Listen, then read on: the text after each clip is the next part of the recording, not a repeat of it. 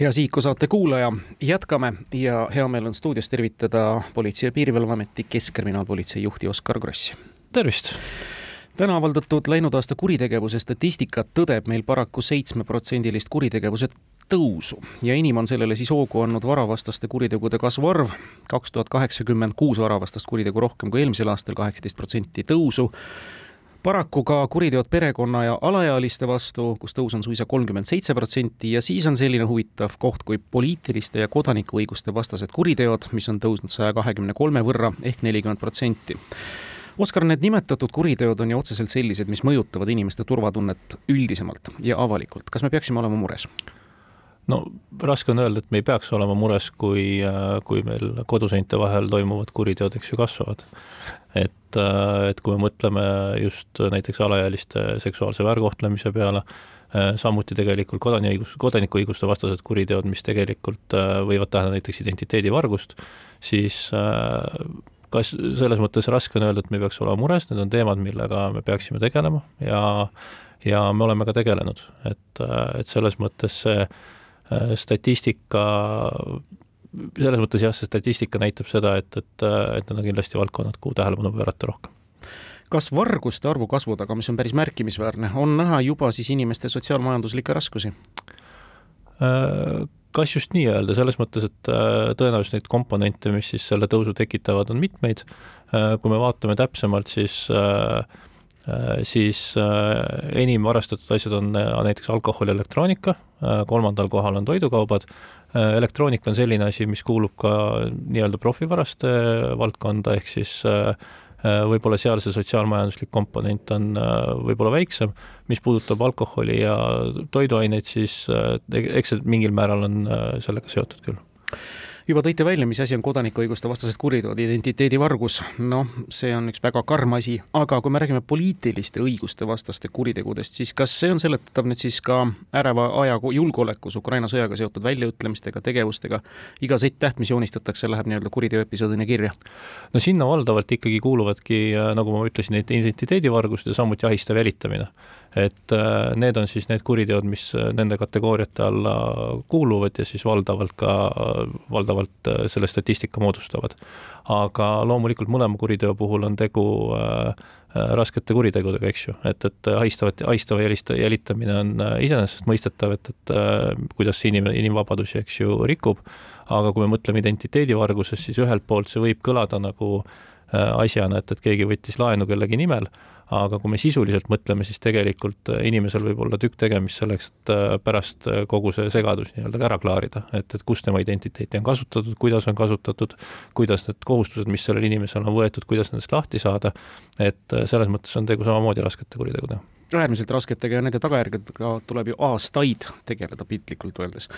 no ilmselgelt ja alati on olnud ju kuritegevuse statistika töödokumendiks politseile, prokuratuurile järgnevaks perioodiks, kas siis prioriteetide seadmisel või ennetustegevuste planeerimisel. millised suunised võtab nüüd politsei või kitsamalt siis näiteks teie juhitav KKP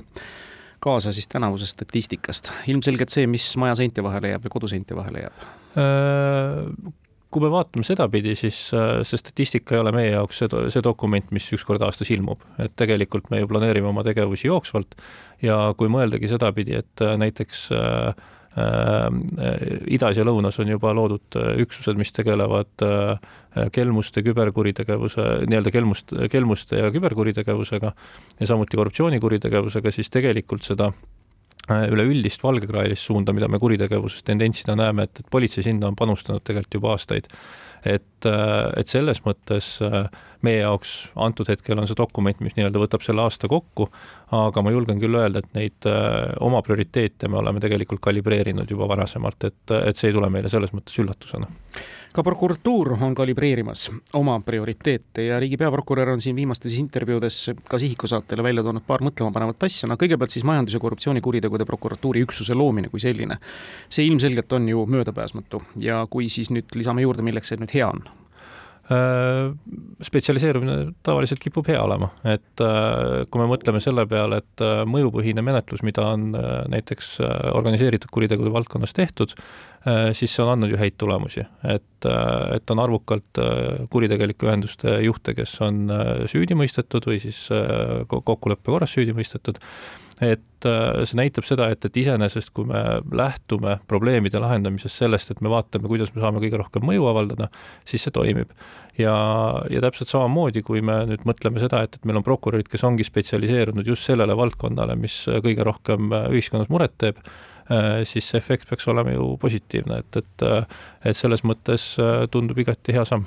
leiduks neid prokuröre, jõuame järgmise probleemi juurde, prokuratuuri on paraku siis kimbutamas siis oskus ja pädevuspuudus, tegelikult inimeste puudus, oleme täpsemad. mistap tuleb siis kuritegude uurimisel nüüd prioriteete seada ja mõned asjad võib-olla vähema tähelepanu alla saada.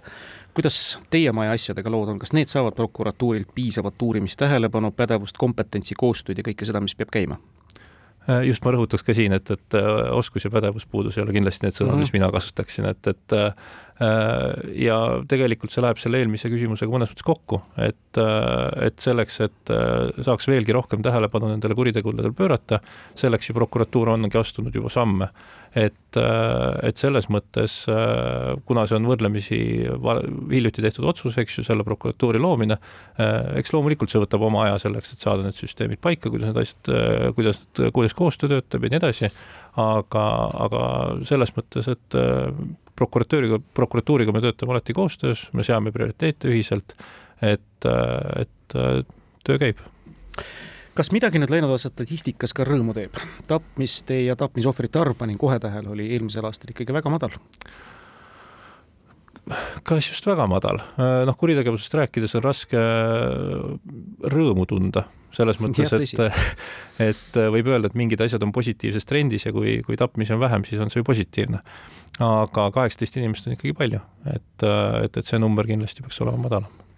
organiseeritud kuritegevuse ohjamisega võite või võime rahul olla? sisuliselt võib öelda ju, et jah, selles mõttes, nagu ma enne ka viitasin, siis äh, äh, tõepoolest selle mõjupõhise menetlusega on väga head tööd tehtud, äh, aga siin on kaks nüanssi, üks nüanss on see, et, et tegelikult narkosurmade arv on endiselt meil kõrge, mis tähendab seda, et narkootikumid turul on, see on üks valdkond, mille, mille peale me kindlasti rõhku paneme, ja teine aspekt on see, et, et asjad, mis on hästi, ei pruugi alati nii olla, et me peame sinna panema väga palju rõhku, et, et et need kuritegelikud ühendused ei tekiks tagasi ja et, et mõnes mõttes me siis äh, ühel hetkel ei avastaks ennast olukorra ees, et olukord on äh, tagasi halvasti. narkootikumidest ja narkootikumide surmaarvu kasvust võtab jutuks ka täna Krimmi raadio, mis algab nüüd vähem kui poole tunni pärast pihta. Oskar, kogu Eesti elab praegu kaasa üldsust vapustanud vastsündinu juhtumile Suure Lähtrus ma mõtlen alati sellistel puhkudel, kui on niivõrd suurt resonantsi tekitav ja kõlapinda tekitav sündmus, miks ei ole kaasatud vähemasti avalikult Eesti parimat pädevust selliste kuritegude uurimisel, ehk näiteks teie maja, Keskkriminaalpolitseid. on teil kõrvalseisjana mõtteid, kuhu seda uurimist võiks suunata, mis võis juhtuda, oma inimesi laenata, nii edasi? Äh, valdavalt tegelikult isikuvastaseid kuritegusid uurivadki prefektuurid, et äh, Keskkriminaalpolitsei on, äh, on samamoodi uurinud, aga, aga see kogemus, mis prefektuurides on, on ikkagi väga-väga suur. Ja neid politseiametnikke, kes on kaasatud sellesse uurimisse, on tõesti väga palju. Ja mitte kuidagi äh, ei julgeks siin küll nüüd öelda, et, et kui Keskkriminaalpolitsei siis oleks kuidagi selle uurimise juht, et, et need asjad siis oleks äh, hoopis teistmoodi, et äh, et mina küll olen täiesti veendunud, et selle kaasusega tegeletakse väga-väga põhjalikult ja samamoodi kohtades, kus me, kus meid on vaja ja kus me saame, seal me alati aitame, et see ei ole isegi küsimus mõjupõhisest organiseeritud kuritegevuse uurimisest me rääkisime, üks konkreetne lugu jäi kuidagi nüüd kripeldama, kui aus olla. viimane kohtusse saadetud organiseeritud kuritegevuse lugu, see on siis Valeri Ramjala ehk siis Jokkeri pundi juhtum. Õhtuleht on kirjutanud, et selle rühmituse peategelane on pääsemas tänu koostööle võrdlemisi lihtsalt, ehk siis ma ei tea, läheb kokkuleppele, istub pool karistusaega ära ja siis saab nii-öelda priipileti kusagile soojale maale võõra nime all